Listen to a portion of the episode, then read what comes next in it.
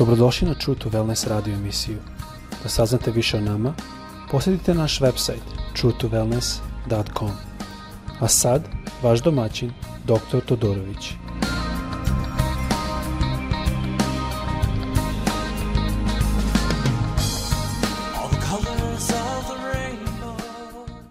Ljubazni dobrodošli na naš podcast. Pozdravljam svojim imen Isusa Hrista, gospoda našega, Nadam se da ste dobro, da je sve dobro u vašoj familiji.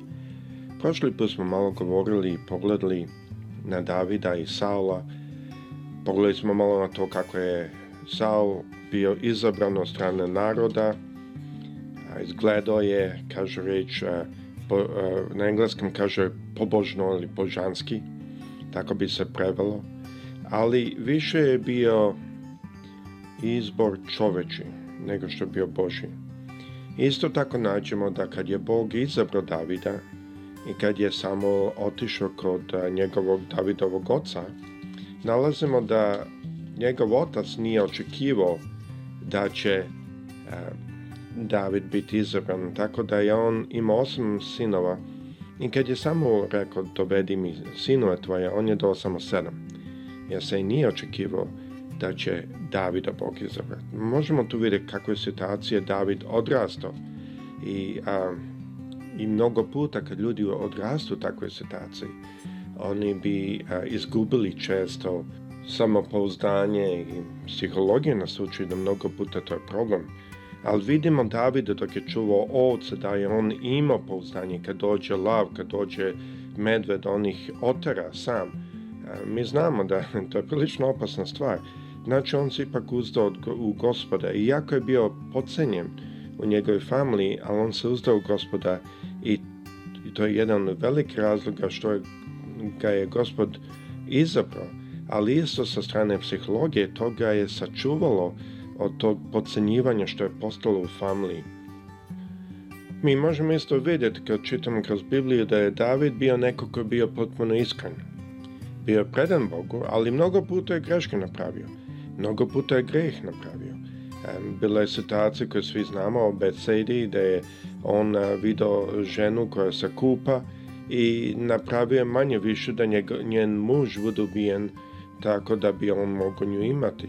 Ali kad je on shvatio, kad je došao prorok i rekao to i to se radi, on se pokajao i shvatio da je pogrešio. I liči i pokazuje nam reč Božja da Bog voli Davidov duh da on voli to srce, jako je to srce grešilo. A e, sada moramo pitati zašto. Pa zato što u srcu David je volao Boga našeg. U srcu, jako on ima te greške, on nigde ne kaže da nije imao, ali on je volao. I ako želite da vidite koliko je on volao našeg gospoda, možete samo čitati psalme, pola od kojih su pisani od strane Davida. On je napisao sve ove pesme, on je svirao instrumente. On je uživao u tome da se diže i slavi gospod i da se diže ime Bože u, u, u bilo kojoj situaciji. I vidimo u drugoj Samuilovoj, šesta glava, da kaže u 14. stihu I David igraše i sve snage pred gospodom. Zanimljivo mi je ovo da kaže i sve snage. Potpuno. Nije ništa zadržao nazad. To tako isto kaže na engleskom, znači ovo je prilično precizno prevođenje. I kaže, i beše ogrnut opljačkom lamnenom. Drugim rečima, on je imao samo šurc. E, ja sada ne znam da li vi kad možete videti predsednika Srbije ili predsednika Kanade, da igra samo u šurcu. Svakako ne, ne na javnim situacima. Ali David je bio u toj situaciji da on bio radostan jer je E, kovčeg gospodnji dolazio kući i on je hteo da proslavi gospoda. Tako David i sav dom iz Liljev nošahu kovčeg gospodnji, podvikivajući i trubeći u trube. 16. stih kaže, a kad kovčeg gospodnji udlažaše u grad David, Davidov, Mihala, či Saulova, gledajući s prozora vide cara Davida, te skače i igra pred gospodom i pod, podrugnu mu se, u srcu svom. Sad ovdje što se desilo je, ovo je bila njegova žena. Mihala je bila njegova žena. Ona je bila čerka Saula koji je bio kralj. E sada, to je isto jedina osoba od njegovih žena koju ja barem znam da je odrasla u kući kralja. Možete zamisliti šta je ona mislila. Pa ja sam čer od Saula. Ja sam odrasla u kraljevskoj kući, a, to je moj muž koji je kralj, a vidi kako hoda samo u šorcu. I mislim da to danas mnogi bi tako misli. Mnogi bi tako gledali i to, i to je prilično bitno, zato u Bibliji piše o tome. A kaže dalje, a kad donesoše koče gospodnji, namešti ga na njegovo mesto u šatru koji mu razape pa David i prinese David žrtve zahvalne pred gospodom. Potov, ponašaši David žrtve poljenice i žrtve zahvalne blagoslovi narodu ime gospoda nad vojskama. I razgrade među sav narod i među sve mnoštvo Izraeljevu i ljudima i ženama, svakom po jedan hleb i komad mesa i žban vina. Potom otide narod svaki svoje kući. A sad ovo je bitno da shvatimo ovdje. I David se vrati da blagoslovi svoj dom, A Mihali čer Saulova iziđe na susret Davidu i reče, kako je slavan bio danas car Izrailjev. Zapazite ovdje a, i, i, ironski, kako je ironski baš a, ona to iznosi, ona ga ne hvali. E, baš malo s jedne strane ovo i prilično izazivno. A, kad se danas otkriva pred sluškinjama svojih sluga kao što se otkrivaju nikakvi ljudi.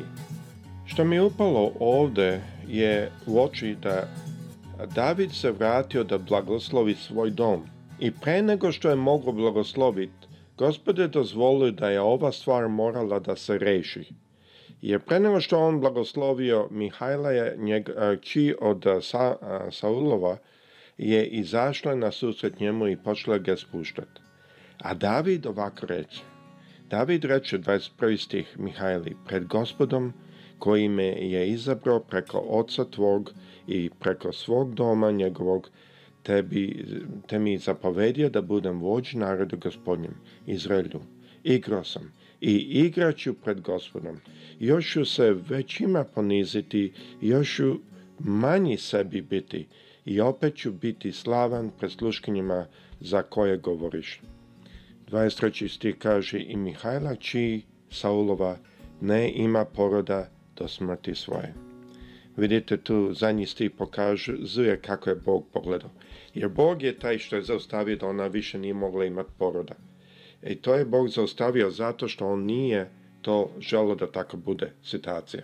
Sad želo bi ovde da ukažem par stvari prvo vidimo da David nije rekao izvini, ja nisam to mislio ili što god drugo, nego je rekao vrlo otvoreno pred gospodom koji me izabra preko oca tvog.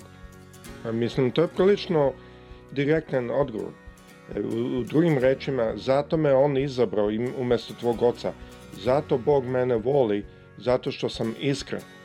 Što ne gledam šta će drugi reći što ne gledam što će drugi misliti, nego gledam što je pravedno pred Bogom. Ja ovde posle kaže, i preko sveg doma tvojeg, te me je zapovedio da budem vođ narodu. Više on kaže, Bog je meni rekao da budem vođu narodu Izrilu.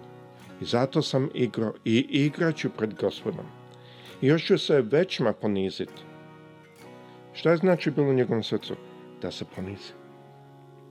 On je htao da se ponizi. On je hteo slavu Bogu da da. I da tako što sam ponizan da svu slavu Boga, a, a kralj. Sad ako se kralj ponizi, tu vidite da on e, postavlja jedan primer. I kaže još manje sebi biti i opet ću biti slavan pred sluškinjom. On je shvatio onu tajnu da što se više ponizi, to će više biti slavan pred sluškinjima za koje ti govoriš, on kaže njoj. E sada ovde vidimo njegovo njegovog gledišta. Ovde vidimo kako je David gledao na situaciju. On zna da ga je gospod pozvao i on zna da njegov način na koji on treba služiti gospodu je da bude iskren i da bude ponizan. I on je isto znao da pošto je iskren, pošto je ponizan, da će zato gospod njega podići i da ću, kaže, i opet ću biti slavan pred sluškinjama za koje govoriš. Sada druga stvar što moramo ovdje isto videti je da on nije mogao da blagoslovi svoj dom, dok on nije rešio i odgovorio na Ona ovde kaže u 20. stihu da je ona njega susrela. Da kaže i David se vrati da blagoslovi svoj dom. Znači on je prvo blagoslovio narod, pošto je kralj, ali vratio se da blagoslovi svoj dom. I on pre nego što mogu to raditi, Mihajla izašla i počela mu se rugati.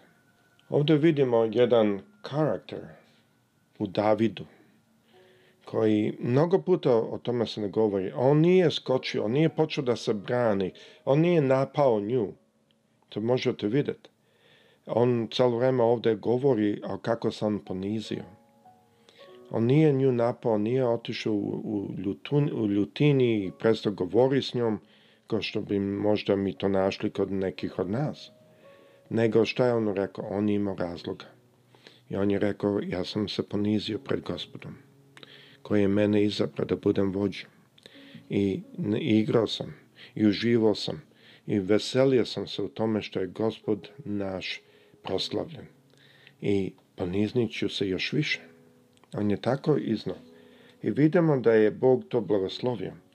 On je imao preko 900 dece, ali ni jednu kroz Mihajlu. Bog je zatvorio tako da ona nije mogla imati dece, zato što je tako ustala protiv Davida. Vidite, David je imao srce koje je volilo Boga otvorno. Mi vidimo da on isto ima srce koje se uzdalo Boga. Na primer ovde kad on kaže igraću još više i opet ću biti slavljan, slavan pred sluškanjem, to pokazuje da se on uzdao da će ono što on poslije doći nazad. Drugim rečima uzdao su gospoda. Vidimo kad je on išao protiv Golijata, da je on izašao protiv Golijata sa pračkom. Golijat koji je išao protiv njega sa kopnjem i sa mačem, mu se smejao. Ali mi danas znamo da pračka za prvih 50 metara ima jačinu kao puška.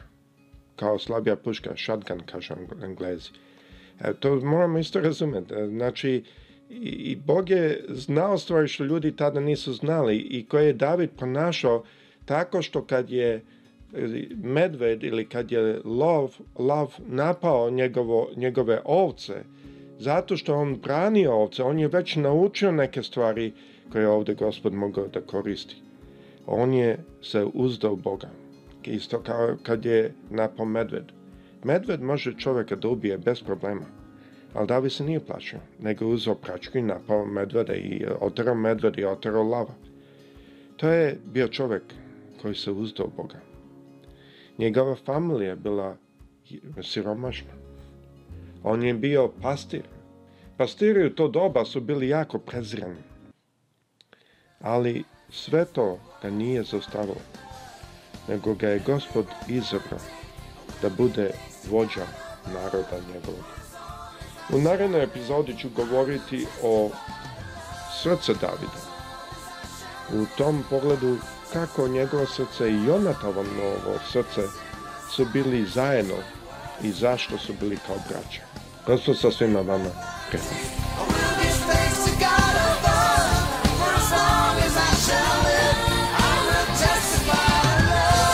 Slušajte True to Wellness radio emisiju.